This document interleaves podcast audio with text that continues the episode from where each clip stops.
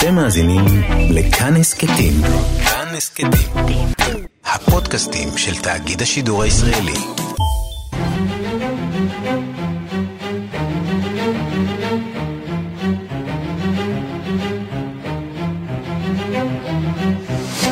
השעה הבינלאומית 4 בפברואר 2020 והיום בעולם. מחדל בבחירות המקומיות במפלגה הדמוקרטית באיווה. עד לשעה זו לא ברור מיהו המנצח לאחר שרשרת תקלות. that is allegedly creating so much interest across the country in such a disorganized way is nothing short of a disaster for them, especially when you have the president as you just read in that statement, now putting out a statement that allows him to paint a broad brush over this party and say, if they can't count results, how do you expect them to run the country? להתחיל את התהליך הזה שעורר כל כך הרבה עניין ברחבי העולם באופן כל כך לא מאורגן, זהו אסון עבורם, אומר כתב אחד. הנשיא אומר בתגובה, אם הם לא מצליחים לנהל בחירות במפלגה, איך אתם מצפים מהדמוקרטים לנהל את המדינה? עוד קפיצה במניין החולים והנספים מנגיף הקורונה בסין, 406 בני אדם מתו עד כה מן הנגיף, רובם במחוז חובי. לראשונה חצה מניין החולים הרשמי רף של 20 אלף. דאג פרז, אמריקני תושב חובי, מספר לשעה הבינלאומית על החשש שלא יוותר די מזון בעיר ווחאן. uh.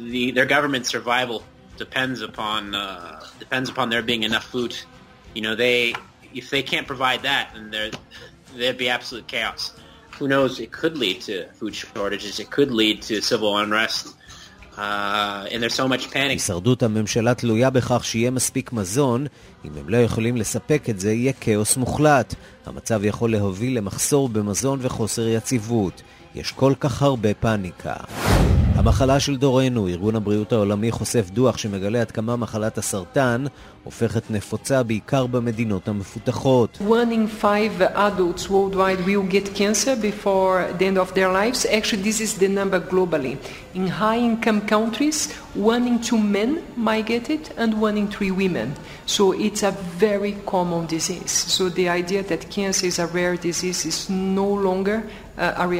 אחד מחמישה מבוגרים ברחבי העולם יחלה בסרטן במהלך חייו, זהו המספר הגלובלי, במדינות העשירות אחת משני גברים ואחת משלוש נשים, כך שמדובר במחלה נפוצה מאוד.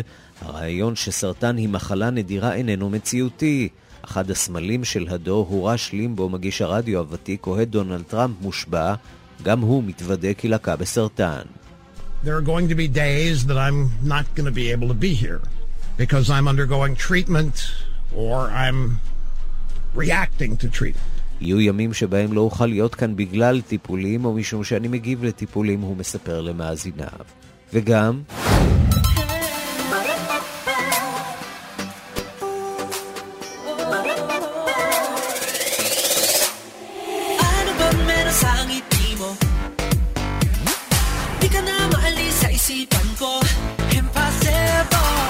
להקות דרום קוריאניות מגיעות לראש רשימת המצעדים בארצות הברית, מדוע לא להקות פיליפיניות? להקת SB19 פורצת בשרה לשוק האמריקני.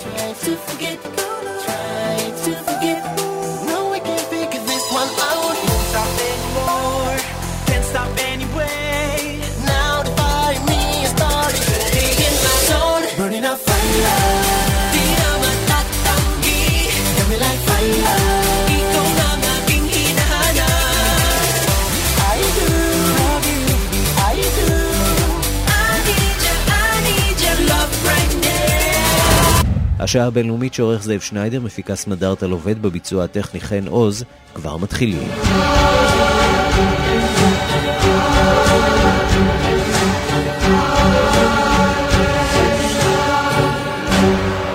השעה הבינלאומית, גם עכשיו עדיין אין תוצאות בבחירות המקדימות במדינת איואה, מה שהיה אמור לשמש כפתיחה חגיגית של מערכת הבחירות במפלגה הדמוקרטית, הסתיים לו באקורד צורם, כאשר בעיות טכניות מנעו את פרסום התוצאות, שיגיעו כנראה בהמשך היום. שלום לשליחנו לאיואה, נתן גוטמן. שלום ערן. מה קרה כאן? מה קרה? זה מה שכולם אה, שואלים כאן באיואה. מה שקרה זה שהייתה פשלה אה, בקנה מידה עצום. בסופו של דבר מה שהיה צריך לקרות זה שהבחירות האלה, שכפי שהסברנו לא פעם בימים האחרונים, נערכות בשיטה של קוקסס, של מפגשי בחירות, הם אה, לא בשיטה של הצבעה בקלפי. האנשים נפגשו, הלכו בשבע בערב למפגש, בסביבות שמונה, שמונה וחצי המפגשים האלה נגמרו, ראשי הוועדות ספרו, ואז היה צריך לדווח את התוצאות האלה למטה. על פניו שיטה שהיא די לואו-טק, למה צריכות להיות כאן תקלות? לגמרי לא, כי מישהו ניסה להתעסק עם השיטה, הם המציאו אפליקציה לטלפון שדרכה אפשר יהיה לעשות את הדיווח הזה, האפליקציה הזאת גרמה לבעיות, קרסה, לא דיווחה היטב. יש גם uh, טענות שהעובדה ששינו קצת את שיטת הספירה כדי לאפשר מידע לא רק על מי ניצח בכל uh, מפגש כזה, אלא גם מי היה ראשון בסיבוב הראשון, כי יש שני סיבובים, um, יכול להיות שזה בלבל את האנשים. אין חשש שהתוצאות נעלמו, התוצאות נרשמו על גבי ניירות וקיימות uh, um, בכל אחד ממפגשי הבחירות האלה. החשש היחיד הוא שזה הרס את המומנטום של הערב, כי בסופו של דבר כל הסיפור של איואה זה סיפור של um, הצגה, של פתיחה חגיגית, של מי שיוצא מהלילה הזה מנצח, מי שיוצא מפסיד, מי יכול להמשיך, מי לא יכול להמשיך, ובסופו של דבר אנחנו גמרנו את הלילה הזה בלי לדעת את התשובה לשאלה הכי בסיסית, מי ניצח ו, um, ו, ומי הפסיד, אנחנו נדע את זה כמובן בהמשך היום, השמש עוד לא זרחה באיואה, בהמשך היום אנחנו nishma את התוצאות, בואו נשמע כמה קולות של המועמדים עצמם מאתמול בערב. Well, looks like it's going to be a long night, but I'm feeling good. So listen, it is too close to call, so I'm just going to tell you what I do know. You won! so we don't know all the results, but we know by the time it's all said and done, Iowa, you have shocked the nation. כן, אז אנחנו אה, שומעים כאן את אה, ג'ו ביידן, את אליזבת וורן, את פיט בוטיג'אג'. אה, בסופו של דבר המועמדים עלו לבמות באירועי סיום הבחירות שלהם ונשאו כולם נאומי ניצחון, כי כשאין תוצאות אז כולם מנצחים, אבל הנה מה שאנחנו יכולים להגיד די בוודאות בנושא הזה. ג'ו ביידן הפסיד את הלילה הזה, זה היה צפוי וזה באמת קרה. לפי דיווחים אנקדוטליים ממפגשי בחירות, לפי המטות, אין ספק שביידן לא השיג הישג טוב, זה בעיה עבורו כי גם בניו המשר בשבוע הבא, הבא הוא כנראה לא עומד לנצח, הוא יצטרך להתחיל את מערכת הבחירות שלו רק מאוחר יותר בקרוליינה הדרומית, בעצם להתחיל לצבור ניצחונות וזה בעיה למועמד מוביל.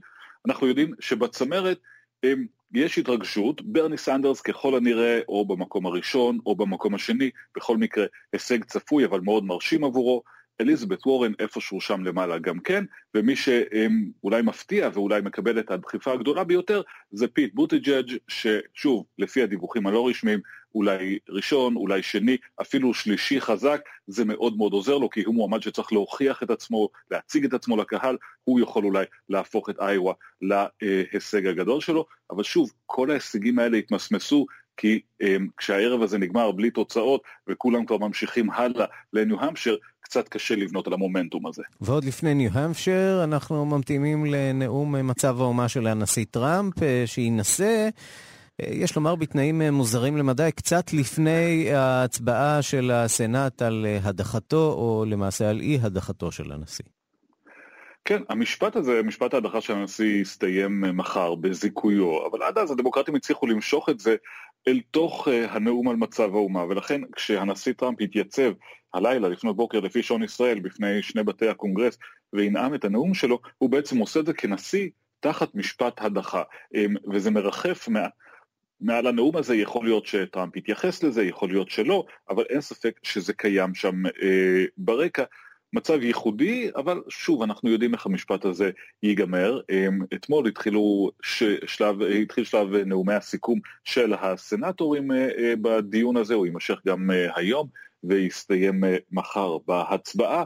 ואין שום הפתעות בנושא הזה. בסופו של דבר הדמוקרטים יהיו בעד הדחה, אין להם מספיק קולות, הרפובליקנים יהיו נגד הדחה, יש להם מספיק קולות, וזה ייגמר. בואו נשמע אולי דברים שאומרת הסנטורית ליסה מורקובסקי, אחת המתנדנדות לכאורה, שבאמת לא מרוצה מדבריו של הנשיא, אבל בסופו של דבר, מהתנהלותו של הנשיא, אבל בסופו של דבר גם היא תצביע בעד. הנה דברים שהיא אמרה. The president's behavior was shameful and wrong. His personal interest do not take precedence over those of this great nation. The president has the responsibility to uphold the integrity and the honor of the office. כן, הנשיא, ההתנהלות של הנשיא מבישה, שגויה, הנשיא צריך לשמור על טוהר התפקיד. היית מצפה שאחרי כל ההקדמה הזאת היא תגיד שהיא מצביעה בעד ההדחה שלו, אבל לא, גם היא נגד, היא חושבת שהוא לא יקבל משפט הוגן. כך שבסופו של דבר, ההישג הגדול של דונלד טראמפ בכל הליך ההדחה הארוך הזה שיסתיים מחר, הוא שהוא הצליח לשמור על המחנה שלו מאוחד, ולא משנה מה הם שמעו ולא משנה מה אה, אמר הציבור, בסופו של דבר ההצבעה היא לאורך קווים מפלגתיים. נתן גוטמן, שליחנו לאיואה, תודה רבה. תודה ערן. ושלום לפרופסור איתן גלבוע. שלום ערן. מומחה לארצות הברית מאוניברסיטת אה, בר אילן. אז בואו באמת אה, נתחיל מהנקודה הזאת אה, של נאום מצב האומה של הנשיא טראמפ, ואז נדבר גם קצת על מה שקורה באיווה. יתייצב נשיא מול סנאט שאמור להצביע מחר בבוקר על הדחתו. כשמאחוריו אולי יושבת ראש בית הנבחרים, ננסי פלוסי. אני יכול להניח שזה יהיה מוזר יותר מהרגיל, ולא שלא היו מעמדים מוזרים שם בנאום הזה. תשמע, יש כל כך הרבה דברים מוזרים בשנים האחרונות במערכת הפוליטית האמריקאית, ששום דבר לא יפתיע. אני חושב שדווקא מאחר, מאחורי הנשיא, בדרך כלל, בנאום הנשיא לאומה, יושבת ננסי פלוסי, אבל גם סגן הנשיא מייק פנס, שהוא למעשה יושב ראש הסנאט. Mm-hmm. כן, תראה, זו הירייה הראשונה במערכת הבחירות של טראמפ בעצמו. זה הנאום האחרון שלו, הנאום האחרון שלו לאומה. אה, בדרך כלל כאשר נשיא אמ, אה, מנהל מערכת בחירות לתקופת כהונה שנייה, אז הבחירות האלה, שיהיו בנובמבר הבא, הם משאל עם על הישגיו, ולכן זאת תהיה הזדמנות בשבילו לדבר על כל ההישגים שלו, גם בענייני פנים וגם בענייני חוץ. הוא ידגיש את הכלכלה. אה, בענייני חוץ, אני חושב שידגיש את התוכנית שלו לעסקת המאה, להשגת הסדר בין ישראל לבין הפלסטינים, והוא לא יכול להתאפק, הוא מוכרח יהיה לתקוף את הדמוקרטים, ואני מעריך שיתקוף אותם גם על מה שקרה אתמול באיומה ועל כל תהליך ההדחה. עכשיו, אה, כשאירוע כזה מתרחש, נאום מצב האומה, אנחנו העיתונאים אה, יושבים וסופרים את מה שמכונה ה-standing ovations. כמה פעמים אה, מחאו או ימחאו כף לנשיא טראמפ. כאן קרוב לוודאי שנראה בית מחולק ומשוסע כפי שאולי לא ראינו אי פעם. אין ספק, ויש גם לא מעט רפובליקנים שלא כל כך מתלהבים מטראמפ. הם יותר חוששים ממנו ומהבסיס שלו. אז אני חושב שבמקרה הזה הוא לא ישבור את השיא של מחיאות כפיים בנאומים מהסוג הזה. בואו נדבר על אה, איווה. אה, ראשית אולי איזשהו הסבר אה, טכני, מה קורה עכשיו אחרי שיוכרע? האם יש פה חלוקת צירים יחסית? אנחנו, בעצם מה שאנחנו אומרים זה שהבוחרים בעצם בוחרים צירים לוועידה, נכון? נכון זו נכון. השיטה בעצם. נכון. כן, תראה, יש בסך הכל איווה היא כזאת מדינה קטנה. ותכף נדבר על, ה, על הביקורת שיש על הדרך שבה מתנהלים הפריימריז בכלל, וזה שאיואה ראשונה. בסך הכל, איואה אה, יש בה שלושה מיליון תושבים, מדינה מאוד קטנה, היא שולחת 23 צירים לוועידת המפלגה שתתקיים ביולי, שבה בוחרים במועמדי המפלגה לתפקידי הנשיא 23 מתוך כמה? 3,979. זה כלום שבכלום. כלום שבכלום. אז לכן, אה, אבל הסיפור הוא פה גדול בגלל ההיסטוריה ובגלל המומנטום. מה שקרה אתמול זה מכה, זה פשלה נוראית לדמוקרטים. במקום לדבר על מנצחים ומפסידים ואנשים שבולטים, אז, אה, אז הם, הם מראים שהם לא מסוגלים לנהל אפילו פריימריז במקום כזה קטן. וטראמפ כבר חוגג עליהם וגם הרפובליקנים. אז, אה, אז אני חושב שזאת מכה. כן, הם ניסו לשחק בטכנולוגיה כדי לשפר ול, ולהפיק תוצאות יותר מהירות באמצעות יישומון שכנראה לא בדקו אותו מספיק ואחרי זה הגיבוי לטלפון וגם הוא נכשל ומי שכועס הכי הרבה זה ג'ו ביידן, הוא מנסה אולי, כי שמענו מקודם מנתן, שאולי הוא לא יוצא טוב, אולי הוא יפסיד את הבחירות האלה, אז הוא מנסה לערער עליהם כבר, אז uh, נראה מה יקרה, אבל uh, זה ביזיון גדול, יושבים שם מועמדים, הם רצים, הם צריכים לרוץ לניו-המפשר, ששם היו הבחירות המקדימות בשיטת הקלפיות הרגילה, לא בשיטה הזאת של mm-hmm. האספות, האספות המצביעים, הבוחרים. זה יהיה ביום שלישי הבא, מחכים, לא יודעים מה היו התוצאות, לא יודעים מה לעשות איתם. זה פשוט uh, מטורף והזוי כל הדבר הזה. לזכות הדמוקרטים של איואה אה, אפשר אה, לדבר גם על ההשתתפות היפה מאוד אתמול במערכת הבחירות, ואתה יודע, אני אה, ישבתי ועקבתי אחרי מצלמה אחת אה, של רשת שידור מקומית אחת ששידרה מתוך אה, קלפי, לא קלפי, בעצם אירוע כזה, אספת בחירות בדמוין, וכל התהליך הזה, יש בו משהו מאוד מאוד אלגנטי, גם בדיון, גם בהצגת הטיעונים בעד ונגד.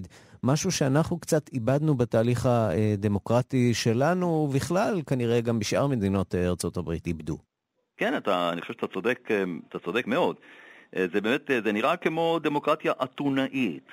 כאשר, כאשר יש ויכוחים במסגרות קטנות ומצומצמות על היתרונות והחסרונות של כל מועמד. אחת הבעיות שהייתה אתמול זה שיש יותר מדי מועמדים דמוקרטיים ויש, ויש מאבקים רציניים בין המובילים לפחות, משום שהתפיסה זה קצת מיתוס, אבל התפיסה היא שאם אתה לא מנצח לפחות בשתיים הראשונות, באחת מהן לפחות, באיובה ובניו-המפשר, אז אתה צובר מומנטום שלילי. אגב, יותר מנצח... מדי מועמדים זה לא מצב קבוע בסבב לא, הראשון לא, של הבחירות? לא, לא, בדרך כלל יש פחות, mm-hmm. וככל שיש יותר זה יותר בלאגן. אז זה נכון שיש בזה איזה ניחוח אה, של דמוקרטיה בשיטה הזאת של הקוקוס, אבל אני צריך להגיד לך, ולמאזינים שלנו, שהשיטה הזאת הייתה מקובלת ברוב מדינות ארה"ב לאורך השנים, אבל רק בארבע מדינות היא נשארה. בגלל שזה דורש יום, יום שלם של התעדיינות. התדיינויות, כן, ואתה כן, יודע, אחד הדברים המעניינים שראינו שם זה עד כמה אה, מורכב לנהל את הדבר הזה כשחלק אה, מהבוחרים הם למשל אנשים בעלי מוגבלויות, ואחת נכון. המשימות שהם צריכים לעשות זה להתייצב בצדדים שונים של החדר, כל אחד אה, על פי המועמד שהוא תומך, ואז בעצם מתחיל תהליך מסובך של הזזת אנשים מקצה אחד של החדר לקצה השני, זה תהליך דמוקרטי, מקסים, אבל גם מסורבל עד מאוד. נכון. וזאת הסיבה שהדמוקרטים מעבירים, ביק... מנהיגות הדמוקרטים מעבירים ביקורת קטלנית ובהזדמנות זאת הם גם כועסים על איווה שהציבה את עצמה ראשונה בפריימריז. בכלל לא, התהליך הזה מטורף, הוא לוקח הרבה חודשים, הוא מתיש, הוא גוזל המון משאבים, הוא גורם ל... להתקפות של מועמדים אחד על השני. אז אה, יש התקפה גם על איווה שהיא ראשונה, וגם על שיטת הקוקוסים האלה, שיוצרת הרבה מאוד בעיות, ויש רצון גדול לעשות רפורמות. הבעיה היא שלפי שיטת הממשל האמריקנית, מי שקובע איך ייראו הבחירות המקדימות, הפריימריז, זה המדינות עצמן, ולא אף אחד אחר. ואיו כבר הודיע שאם מישהו ינסה להקדים את הבחירות, כי היה לי איזה ניסיון כזה, כל אחד רוצה להיות ראשונה ולהשפיע הרבה יותר מהמשקל שלה, אז הם תמיד יזיזו את זה אחורה עד שהם יהיו תמיד ראשונים. אגב, כמעט שכחנו, אתמול היו גם הבחירות המקדימות של הנשיא טראמפ באיואה, שם זה היה כמובן הרבה יותר אה, מהיר, עם שני מועמדים שניסו לאתגר אותו. אה, ללא שום סיכוי, אחוז אחד אה, כל אחד מהם קיבל, זה באמת די מביך. כן, וגם צריך להזכיר שיש עוד מועמד אחד, שזה מייקל בלומברג, שהיה ראש עיריית ניו יורק, הוא מראש החליט לא ללכת על הפריימריז הראשונים האלה, מפני שהוא מחכה לראות איך כולם שמה הורגים אחד את השני, ואז הוא יבוא יהיה, יהיה יום אחד של פריימריז שקוראים לו בעגה, אה, בעגת הבחירות, ה Super Tuesday. בדיוק, שם היו בחירות באיזה 12 מדינות, כולל הכי גדולות, הוא הולך עליהם. הוא כבר הוציא משהו בסדר גודל של 300 מיליון דולר על, על, על, על, על uh, בחירות שעדיין עוד לא התקיימו, הוא נמצא בשוליים, מחכה למעידה. טוב, אין ו... ספק שמח... ש... שהלילה תהיה לו אולי ההזדמנות הטובה ביותר לעמוד מול העם האמריקני ולזכות אה, ברייטינג אה, C ולהציג את ההישגים שלו, ותרשה לי לקוות לפחות ששנינו ניפגש כאן בעוד ארבע שנים אה, בדיוק, וגם נקטר על שיטת הבחירה באיווה. אולי עד אז ילמדו משהו, אבל בכל זאת, לקוות אפשר. פרופסור איתן גלבוע, מומחה לארצות הברית מאוניברסיטת בר אילן, תודה רבה. תודה רבה ושלום ערן.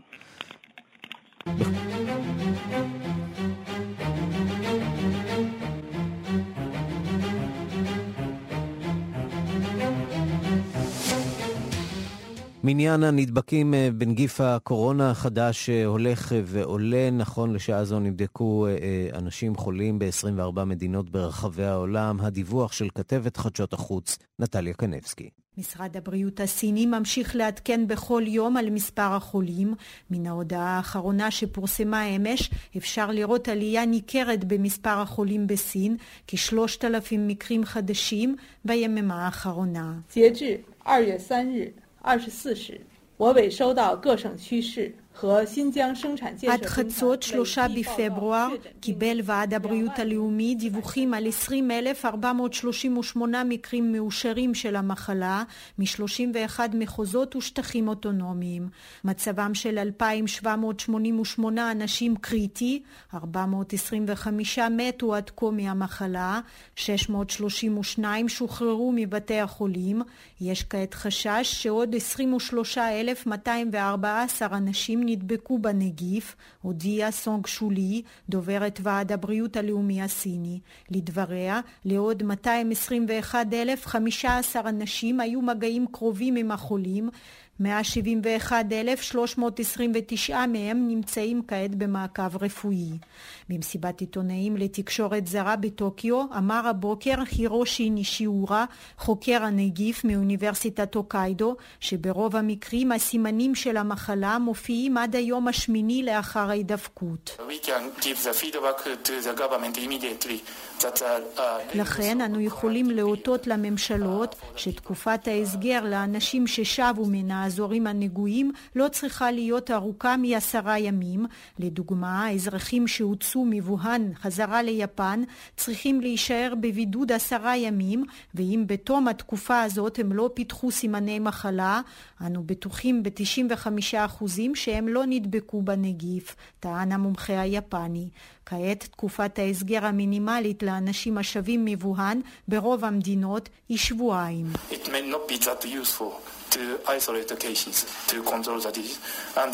ייתכן שהבידוד במקרה של נגיף קורונה החדש אינו האמצעי היעיל והמספק למיגור המגיפה, כי הנדבקים בנגיף מדביקים עוד לפני שהם מפתחים את הסימפטומים של המחלה, סבור המומחה היפני, עוד לפי המחקר שהצוות שלו ביצע, במחצית ממקרי ההידבקות נושאי הנגיף מפתחים את סימני המחלה. עם זאת, המומחים היפנים סבורים שרוב נושאי הנגיף לא יפתחו את המחלה, ומחצית מתוכם אפילו לא ידעו שהם נשאים. לדברי נישיאורה, המקרים המדווחים כעת בסין הם רק כעשרה אחוזים מכלל הנדבקים. אז 64 נספים נוספים ביממה האחרונה, אה, יותר מ-420 בסך הכל, ומניין הנדבקים כבר עבר את 20 אה, האלף אה, בני אדם בתוך ומחוץ לסין. אנחנו אומרים שלום לכתבת חדשות החוץ מאיה רכלין. שלום ערן. את מביאה לנו שיחה מיוחדת עם תושב שנמצא בתוך ווהאן, העיר שבה התפרץ הנגיף ונמצאת כעת בהסגר, והוא די במצוקה, איך נאמר. כן, אה, העיר ווהאן במצור, אין יוצא, אין נכנס, ואנחנו שוחחנו עם דאג פרז, מורה לאנגלית שמתגורר שם. תחילה הוא הסביר לנו מה גרם לו להישאר בעיר הנצורה. Me and my girlfriend are very serious, and I just didn't feel like it'd be responsible to abandon my girlfriend in uh, the epicenter of a pandemic. אני והחברה שלי רציניים, הרגשתי שזה יהיה לא אחראי לנטוש אותה באמצע התפשטות של מגיפה. אחר כך שאלנו אותו כיצד הם מתגוננים מפני הנגיף. We, we go outside twice a day tops, wash our hands, masks, and goggles, which we're still waiting to be delivered. We change our clothes whenever we go outside. הוא אומר, אנחנו יוצאים החוצה פעמיים מקסימום, מספר לנו שזה כדי להוציא את הכלב רוב הפעמים, שוטפים ידיים כל הזמן, שמים מסכה ויש גם משקפיים מיוחדים שאנחנו מחכים שיביאו לנו במשלוח, ובנוסף לכך אנחנו מחליפים בגדים בכל פעם שאנחנו יוצאים. כאן אה, ככה דג פרז, שהוא תושב ווהאן, מספר. לפני שבוע לא היה אפשר להבחין אפילו באדם אחד ברחובות העיר אה, ממנה התפרץ הנגיף, הכל היה שם ממש שומם. היום הוא מספר לנו שהם נעשו מעט יותר צפופים, אבל עדיין ריקים. The streets are getting a little more, a little more crowded now. They're still pretty empty. Still very empty. At night, absolutely empty. Everyone wears masks. When you do see people out in my neighborhood, they always have bags in their hands, big bags. That makes me a little worried because I do think, you know, maybe people are continuing to really mm-hmm. stock up. You know, some people have been abandoning their pets. They, they mistakenly think pets can be, you know, it can be transmitted mm-hmm. from pets to humans, which it can't be.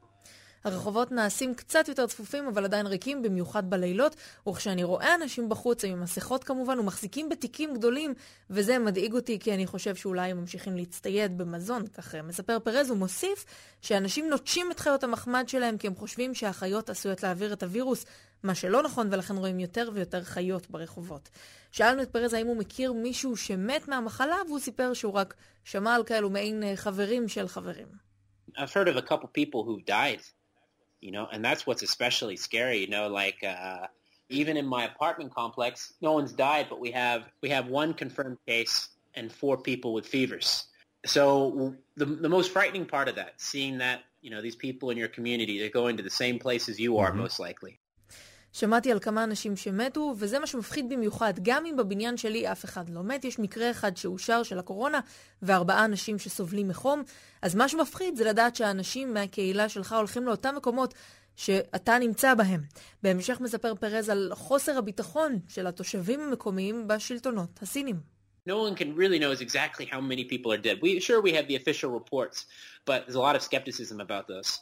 And there's a lot of instances of uh, you know people who have died, and they report the cause of death as something else. You know, quickly release data about you know the age of everyone who's died, and you know they seem to be keeping many things secret. I heard a rumor yesterday that 900 people were dying every day. אף אחד לא יודע כמה בדיוק אנשים מתו. יש דיווחים רשמיים, אבל יש מקרים שאנשים מתו, ואנחנו מפקפקים בזה בדיווחים הרשמיים, ויש מקרים שאנשים מתו וסיבת המוות דווחה שהיא משהו אחר ולא הנגיף. הם לא מפרסמים, הם, השלטונות הסינים לא מפרסמים מידע על אודות גיל או זהות הנספים. אני שמעתי אתמול שמועה על כך ש-900 בני אדם מתים בכל יום. כך מספר לנו דאג פרז אמריקני שמתגורר כעת בווהאן. שאלנו אותו אם הוא מאמין שהתפשטות הנגיף תימשך, והוא טוען שכן, אבל גם הוסיף איזושהי תחזית יחסית אופטימית. You know,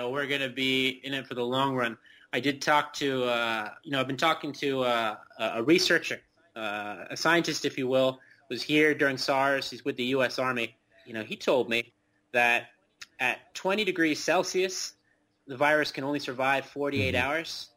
So hopefully around April, you know, as temperatures rise, hopefully it will uh, extinguish this thing. דיברתי עם חוקר, מדען אם אנחנו רוצים, שחקר את הסארס מטעם הצבא האמריקני, והוא אמר לי שב-20 מעלות הווירוס יכול לשרוד רק 48 שעות, כך שבסביבות אפריל הטמפרטורות יעלו והווירוס הזה כנראה ייכחד, כך מספר דאג פרז, תושב ארצות הברית שמתגורר כיום בווהאן, בריאיון שערכנו עמו. מאיר רכלין, כתבת חדשות החוץ, תודה על העדות הזאת מווהאן. תודה. השעה הבינלאומית בסודאן מנסים לעכל את הידיעות על הפגישה ההיסטורית בין ראש הממשלה בנימין נתניהו לבין המנהיג הזמני עבד אל פתח אל-בורהאן. אתמול באוגנדה, הממשלה שטוענת שלא אה, עודכנה על הפגישה מתכנסת עכשיו לישיבת חירום. הקולות המתנגדים למהלך בהחלט אה, נשמעים היטב, אבל יש גם מי שתומך. שלום אה, לכתבנו לענייני ערבים רועי קייס. שלום ערן. אתה שוחחת עם אה, טראג'י מוסטפא, אופוזיציונרית סודנית, שאומרת בשיחה עם כאן חדשות, שהיא גאה מאוד במנהיג הסודני על המהלך הזה, כך שיש בהחלט קולות תמיכה. נכון, תכף נגיע אליה, אבל על פניו זה נראה שכמעט אף אחד בחרטום, בירת סודן, לא ידע על אותה פגישה היסטורית בין ראש הממשלה בנימין נתניהו לבין המנהיג הזמני של המדינה, עבד אל פתח אל-בורהאן באוגנדה. הממשלה שאתמול טענה ששמעה על הפגישה בתקשורת, הודיעה שתקיים ישיבת חירום בעקבות הפגישה. גם המועצה לביטחון לאומי אה, מתכנסת, ירצו שם לשמוע הבהרות מאל-בורהאן. נזכיר, המנהיג שהחליף למעשה את הרודן עומר אל-בשיר אחרי 30 שנה בשלטון. מבחינת התגובות אז נאמר שיש תגובות לכאן ולכאן, התגובות נגד יותר קולניות. היום התקיימה, התקיימה הפגנה קטנה מול בניין הממשלה בחרטום ודרכו שם על דגל ישראל, ניסו גם להצית אותו. אני רוצה להשמיע לך ולמאזינים את התגובה הקשה ביותר שמצאתי עד כה, המטיף האסלאמי הסודני عبد الحي يوسف. هنا.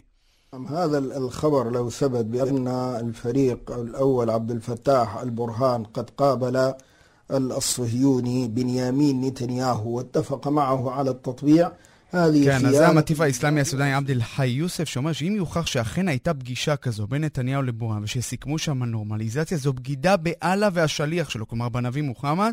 מדובר בצה"ל ללא אישורם, הממשלה היא זמנית, בורהאן עלה בהפיכה אה, שלטונית, כך שאין לו את הלגיטימיות לצעדים האלה. בינתיים שום דבר לא יוצא מהוויתורים או משלום עם ישראל. מדינות שעשו שלום עם ישראל לא הרוויחו, אלא רק הפכו להיות יותר מפוארות, כך אותו מטיף אה, אסלאמי. עכשיו צריך גם להסביר שהמהלך הזה ניסה יומיים אחרי ששרי החוץ הליגה הערבית, כולל שר במשרד החוץ הסודני, חותמים על הכרזה שמתנגדת לתוכנית השלום של ממשל טראמפ עם הפלסטינים, ושמאשרת את האמירה המפורסמת, לא תהיה נורמליזציה בין ישראל לבין מדינות ערב עד שישראל לא תאמץ את יוזמה, יוזמת השלום הסעודית, קרי מדינה פלסטינית בקווי 67, רחוק שנות אור מתוכנית טראמפ. נפגש הבושה, כך קראו לזה בעיתון הסודני אל-עכבר הבוקר, אך כמו שציינת, יש גם תגובות אחרות. יש מי שסבור שהצעד הזה יועיל לסודן, בעיקר מבחינה כלכלית. הסודנית, יסיים את הבידוד הבינלאומי שלה, יגרום לה להיות, להיות מוסרת מהרשימה של המדינות שתומכות בטרור, נמצאת שם משנות ה-90 ברשימה של הממשל האמריקני. אה, יושב ראש מפלגת האומה בסודאן, מובארק אל-מהדי, הוא, מייצג את הדעה הזאת, הוא בירך על הפגישה בין נתניהו לבורהאן, אמר שמדובר במהלך אמיץ, שמכשיר את הקרקע להסרת הסנקציות האמריקניות שמוטלות על סודאן. ואנחנו שוחחנו עם מישהי בסודאן שגם כן מרוצה מאוד מהמהלך, אנחנו מדברים על טראג'י מוסטפא, קהילת אופוזיציה ותיקה מאוד בסודאן, שימשה בעבר כחברת פרלמנט, חיה היום בקנדה, בחודשים האחרונים היא בילתה בסודאן המתחדשת. היא עוד מלפני כמה שנים פועלת להתקרבות בין ישראל לבין סודאן, אפילו ביקרה כאן, בשיחה עמנו באופן פרדוקסלי, היא מספרת לנו על רשמיה מהמהלך, ואומרת לנו, אצלנו היה אפילו יותר איפול על המהלך אה, אה, מאשר אצלכם, למרות שגם אצלנו נגיד היה צנזורה. הנה. فبينما إسرائيل هي دولة الحداثة والحرية بين الإعلام والساسة כן, אז זאת פעילת האופוזיציה הסודנית, הראג'י מוסטפא, שאומרת לנו בעוד שישראל היא מדינת המודרנה מבחינת התקשורת והפוליטיקה, היא לא מסתירה את החדשות. אצלנו המצב שונה, לא נתנו לנו שום מידע על העם הסודני בנושא הזה, אך מבחינתה הן זה משנה. היא אומרת לנו, מדובר במפגש חשוב מאוד, שהיא מקווה שיוביל לנורמליזציה מלאה ביחסים בין סודן, צפון סודן לבין ישראל. היא גם היא אופטימית לגבי כך שאפשר שהסוגיה הפלסטינית אולי תיפתר אחרי המהלך הזה, שידחוק לשוליים את הזרמים הקיצוניים בקרב כל הצדדים, ובעוד שרא רבים מבקרים את ההתנהלות של המנהיג הזמני של סודאן אל-בורן, היא חולקת לו שבחים בשיחה עמנו. הנה. فخورة أنه يوضح بأنه رجل ليس سهلا ואתיק איידן פי מוסתשעריhi, אחס אנ... כן, אני מאוד גאה בו, אומרת לנו תראג'י מוסטפא באל-בורהאן, המנהיג, שמבהיר במהלך הזה שהוא לא קל להשגה, וגם ביועצים שלו, שנכנים בחוכמה, מבינים את האתגרים של האומה הסודנית. הם אלה שאמרו לעשות את המהלך הזה, הוא מצטער כאיש בעל כריזמה, אפשר, אפשר ללמוד על כך מהאומץ שלו לעשות מהלך כזה. נאמר שגם היא מודעת לעובדה שיש לא מעט אנשים בסודאן שלא אוהבים את המהלך הזה, אבל ביום כזה, מי שכן תומך במהלך הזה בסודאן, מנסה לשאוב קצת אופטימיות, גם אם מדובר במהלך מהלך שהוסתר מעיני הציבור, ושהמנהיג אלבורן יצטרך לתת עליו דין וחשבון, כנראה בקרוב מאוד. רועי קייס, כתבנו לענייני ערבים, תודה על הרעיון המעניין הזה. תודה. אנחנו מכאן אה, למדינה השכנה, לוב. הפסקת האש בלוב שהושגה בוועידת אה, ברלין הופרה, ולוב ממשיכה להיות שדה קרב בינלאומי. המיליציות בראשות הגנרל חפטר וסרה, שנתמכות על ידי טורקיה, ערב הסעודית וצרפת, מצרים ומדינות אה, אחרות, מנהלות מאבק כדי לשמור על האינטרסים הגיאופוליטיים והכלכליים שלהן. דיווחו של כתבנו ברומא, יוסי בר. ועידת ברלין, שבה הוחלט על הפסקת אש בלוב, כשלה. המאבק בין הגנרל חליפה חפטר ותומכיו לכוחותיו של פאיז אל-סראג' נמשכים גם בשעות אלה. חפטר סגר חלק מתשתיות הנפט למערב ומנסה בעזרת היועצים ושכירי החרב הרוסים לכבוש את מזורעתה. סראז' עם שכירי החרב הטורקים בלמו לעת עתה את התקדמות כוחותיו של חפטר והתוהו ובוהו במדינה בעיצומו. כוחות מצ'אד, סודאן, ערב הסעודית, טורקיה, רוסיה, צרפת ואיטליה, וזו רק רשימה חלקית, מנהלים ביניהם מאבק. לוב הפכה לשדה קרב בינלאומי, שבו האינטרסים הכלכליים והגיאופוליטיים בין המדינות חשובים הרבה יותר משלומם של הלובים ומאות אלפי מהגרים אפריקנים שמנסים להגיע לאירופה. על פי הידיעות האחרונות, האיטלקים שאינם רוצים לאבד את אספקת הנפט מלוב ואת השפעתם באזור, חידשו את ההסכם עימה. האיטלקים מספקים לסראז' כסף ואמצעים כדי שיעצרו את המהגרים שרוצים להגיע לשטחה. למרות ההסכם, מאות מהגרים הגיעו בימים האחרונים מלוב לאיטליה, ונראה כי הפעם הם יחולקו בין מדינות אירופה. החשש לזליגת הקרבות מעבר לגבולה של לוב גרם לתוניס להציב כוחות בגבולה, וגם האלג'יראים חוששים ומנסים לארגן ועידת שלום. הרושם הוא כי הקהילה הבינלאומית מדברת בשני קולות. כולם מצהירים על רצון לשלום, אך כל מדינה דואגת בראש ובראשונה לאינטרסים שלה עצמה. כאן יוסי בר, רומא. אנחנו נשארים באפריקה. סומליה הכריזה מצב חירום לנוכח מכת הארבה שפוקדת את המדינה. מדובר במכת הרבה החמורה ביותר שפקדה את אזור קרן אפריקה כבר עשרות אה, שנים. הדיווח של עורכת אפריקה רינה בסיסט. נחילי ענק של הרבה מציפים בימים האחרונים את אתיופיה, קניה וסומליה, והם אוכלים כל מה שנקרה בדרכם. הם אוכלים את השתילים הרכים שנשתלו לאחר הגשמים, הם אוכלים את עלי העצים, הם אוכלים את העצים עצמם, הם אוכלים שיחים, עשבים, כל מה שצומח. הנחילים העצומים האלה משאירים אחריהם אדמה חרוכה, כלומר אדמה מיובשת וריקה. שום גידול לא ניצל מהחרק הרעב הזה. לבני האדם שחיים במקומות שבהם מכה הרבה, מדובר באסון. לא רק שהמזון הצומח נעלם כולו ומושמד, כלומר אין עוד פירות וירקות אחרי מעבר הרבה. מה שגרוע יותר הוא שגם הגידולים שאמורים לספק מזון בחודשים הבאים מושמדים לחלוטין.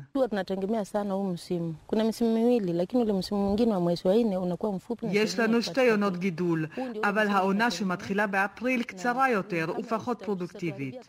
אנחנו תלויים בעונה הזאת וחוששים מאוד שההרבה ישמיד את התוצרת החקלאית כולה.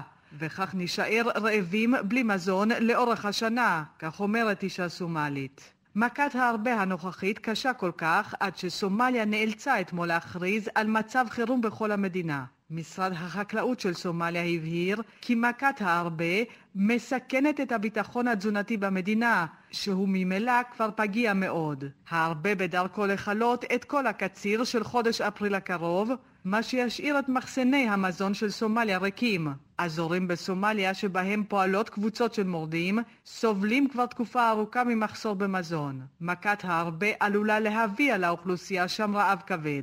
This is a very rare phenomena, but once it does occur, it, it becomes extremely threatening. Um, to food securities, livelihoods, pastures. זאת תופעה נדירה מאוד, אבל כאשר היא מתרחשת, מדובר באיום חמור לביטחון התזונתי, לשדות, וכמובן, אם זה מסכן את השדות, הרועים נאלצים לעבור עם העדרים שלהם לאזורים אחרים, והדבר עלול ליצור עימותים נוספים.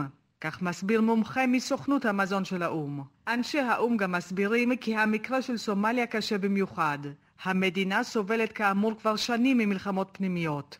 יש אזורים שלמים במדינה שעליהם קשה מאוד להגיע ולהיכנס, מחמת הביטחון הרעוע והחשש מהתקפות. כל אלה משמעותם שאנשי הסוכנות לא יכולים לשלוח לשם מטוסי ריסוס, שהם בעצם האמצעי היעיל ביותר כיום נגד נחילי ההרבה. במצב שכזה, ההתמודדות עם מכת ההרבה הקשה ביותר שפקדה את קרן אפריקה ב-25 השנים האחרונות היא קשה ומסובכת מאוד. אף אחד מהמעורבים במאבק נגד החרק הזה איננו מפגין אופטימיות. כאן רינה בסיסט.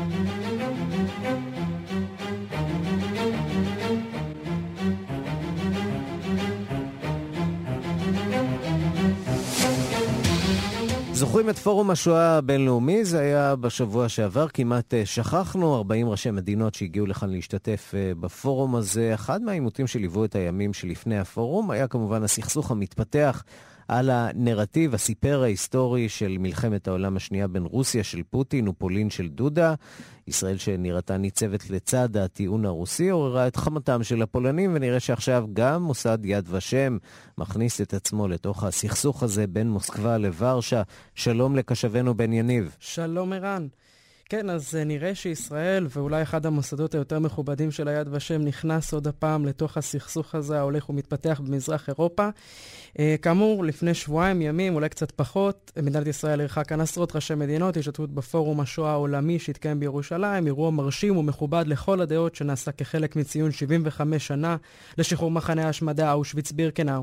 אך למי שזוכר, הנושא שכיכב בכותרות והטיל צל כבד על האירוע, הייתה המתיחות בין מוסקבה לוורשה על הנרטיב ההיסטורי, הסיפר ההיסטורי. והנה 12 ימים לאחר הפורום, ישראל שוב מוצאת עצמה עמוק בתוך המאבק של שתי המדינות על שכתוב ההיסטוריה.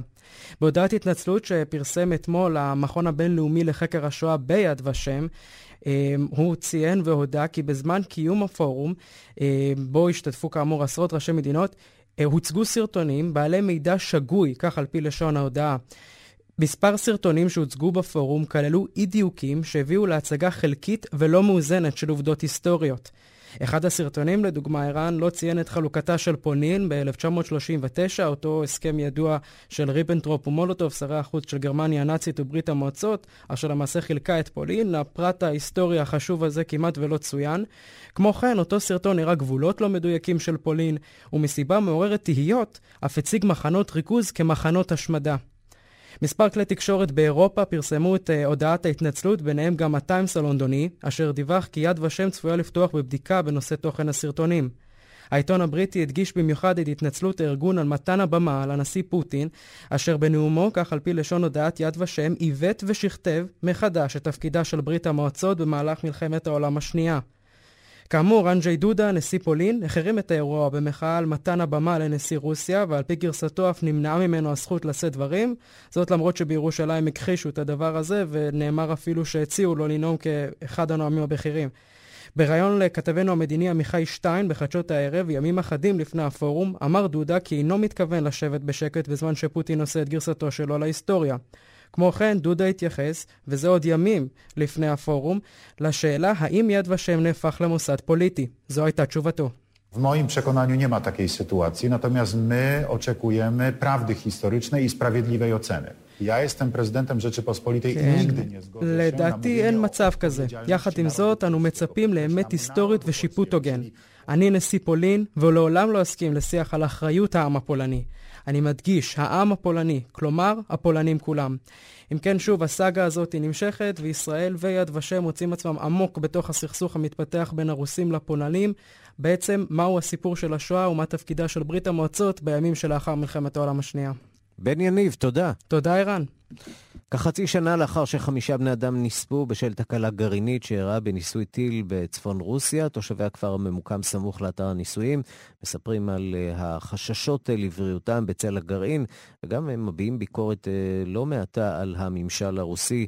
שלום לכתב חדשות החוץ יואב זהבי. שלום ערן. מה הם אומרים? אז תראה, קודם כל נגיד שמי שהצליח להיכנס לאותו כפר סגור זה רדיו אירופה החופשית, שזו תחנת רדיו בעצם בינלאומית שממומנת על ידי הממשל האמריקאי כדי להביא סיפורים ממדינות שבהן התקשורת אינה חופשית, אז לא מפתיע שדווקא הם הצליחו להיכנס לשם. אז חלק מהתושבים באותו כפר שנקרא ניונוקסה, מספרים שכל חייהם מתנהלים בצידו של מתקן גרעיני, חלקם חוששים, חלקם קצת פחות. בואו נשמע מה אומר נהג משאית שחי בכפר, שמו אלכסנדר דוידוב. Кто-то боится, кто-то нет, так что так нормально все. Здесь даже не знали ничего абсолютно. А во-вторых, мы в Северодвинске, 26 лет проработал в Северодвинске. Там же завод, там же тоже есть радиация, и, как бы сказать, у нас уже... זה לא מפריע לו להמשיך לנהוג במשאית בזמן הראיון. לא, וגם להגיד לו כל הכבוד על אולי האומץ שלו, להתראיין בכל זאת לתחנה. הוא אומר חלק מהאנשים מבועטים, לא ידענו כלום. אנחנו עובדים כבר 26 שנים בסוורודווינקס, זו העיר הגדולה באזור, יש שם מפעל גרעיני, הוא אומר, יש שם קרינה, אבל פיתחנו חסינות, כך הוא אומר, כן, האיש הזה די אמיץ אה, בכמה הקשרים כנראה. עכשיו, חלק מתושבי העיירה בחרו לברוח מהמקום אחרי התאונה. אבל לאחרים, בעיקר מבוגרים, צריך להגיד, אין לאן ללכת, והם נשארים במקום, כשמעליהם ככה מרחף איזשהו ענן של אי-ודאות. הנה שתיים uh, מתושבות הכפר. Многие боятся. Многие. Некоторые даже с огорода не стали и, и овощей брать, оставили так. Воинская часть собрала людей. Ну, волновало, конечно, всех это самый главный вопрос был, как обстоит שתי הנשים האלו מספרות שאנשים רבים כאן בכפר פוחדים, הם עזבו אפילו מבלי לקצור את הפירות שלהם מהגינות. היחידה הצבאית כאן כינסה את התושבים, כולם דואגים מהשאלה הגדולה מה המצב בנוגע לקרינה. הרשויות אמרו לנו, אתם יכולים לאכול את כל מה שגידלתם, כי האדמה והמים לא ספגו קרינה. אז באמת צריך להגיד שרמת הקרינה שם הייתה די נמוכה. לפי מה שאנחנו יודעים, כן, לפי המידע שקיבלנו משם, אבל גם נגיד שבמוסקבה מיעטו מאוד לספק פרטים בנוגע לתאונה הזאת, ורק אחרי שתי יממות הרשויות הודו כי חומרים רדיואקטיביים נפלטו לאוויר וכי הניסוי ערב נשק חדש בעל טכנולוגיות ייחודיות. מה זה אותו נשק? גורמי ביון מערביים העריכו כי מדובר בניסוי כושל של טיל בליסטי בין יבשתי שמונע באמצעות כור גרעיני קטן. זה לא נשק גרעיני, אלא טיל בליסטי שמונע mm-hmm. באמצעות אה, אה, דלק גרעיני. בואו נשמע מה אומר עוד תושב כפר שהוא גם מעז ככה לבקר את הממשל, הנה. Понятно, что секретно, но никто и особо-то не хочет разбираться. Что ж там бабахнуло? прежде всего интересуют последствия для людей, которые рядом находятся. Такой, такой случай, то есть это напоминает все события...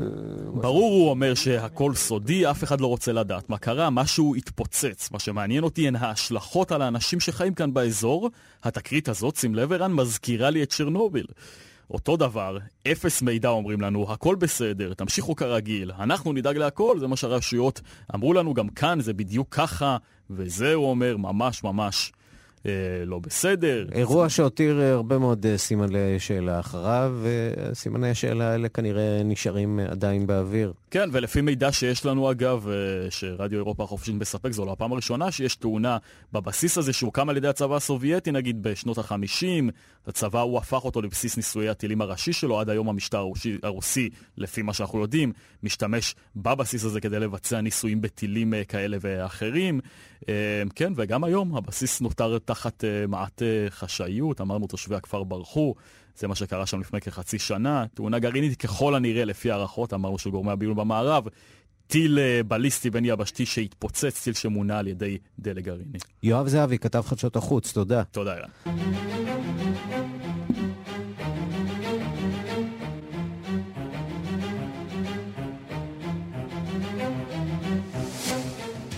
כוכב האומנות הבינלאומית ג'ף קונס יגיע בקרוב לישראל לפתיחת תערוכת יחיד במוזיאון תל אביב. אז מיהו האומן העשיר בעולם ומדוע האיש שמפסל בלונים הוא גם האומן שהכי אוהבים לשנוא? שלום למירי קרימולובסקי, חוקרת התרבות בארץ ובעולם. שלום ערן, אז אנחנו עוד נדבר על זה בארוכות במרץ כשזה יגיע, אבל זה בהחלט אה, הישג. מדובר באומן שלפני שנה מכר את הארנב שלו, מין ארנב מפוסל במתכת, שנראה כמו ארנב אה, מתנפח של ילדים. ב-91 מיליון דולר, שזה המחיר הגבוה ביותר ליצירה של אדם חי, של אומן שהוא בחיים. אה, בואו נשמע את מנכ"לית אה, מוזיאון תל אביב, אה, טניה עוזיאלי. מוזיאון תל אביב לאמנות גאה להציג לראשונה בישראל תערוכת יחיד של האומן האמריקאי ג'ף קונץ. ג'ף קונץ הוא האמן החי, החשוב, המשפיע, הפופולרי, ואולי השינוי במחלוקת בעולם. קונץ נחשב לתופעה תרבותית ייחודית ויוצאת דופן, שידיה והשפעותיה חורגים מעבר לגבולות העולם האומנות. אני גאה ונרגשת שמוזיאון תל אביב לאומנות יוכל להעניק לקהל המקומי חוויה ייחודית זאת. אז זהו, אז אם תרצה לראות בלונים ופסלים קיצ'יים ממש, אבל של האומן הכי מצליח בעולם, שמעלה הרבה שאלות על מה זה אומנות בכלל, ושוב את השאלה איך מצליחים לעשות אומנות, אה, לפעמים מדברים שהם ממש לא אה, אומנות. כן, ללא ספק מסקרן. אה, אנחנו עוד נחזור לסיפור כן. הזה. מירי קרימולובסקי, תודה. תודה, ערן, להתראות. ועד כאן השעה הבינלאומית מהדורת יום שלישי, העורך הוא זאב שניידר, מפיקות סמדארטה לובד ואורית שולץ, הטכנאים חן עוז ושמעון דוקרקר. אני ערן סיקורל, אחרינו רגעי קסם עם גדי לבנה, להתראות.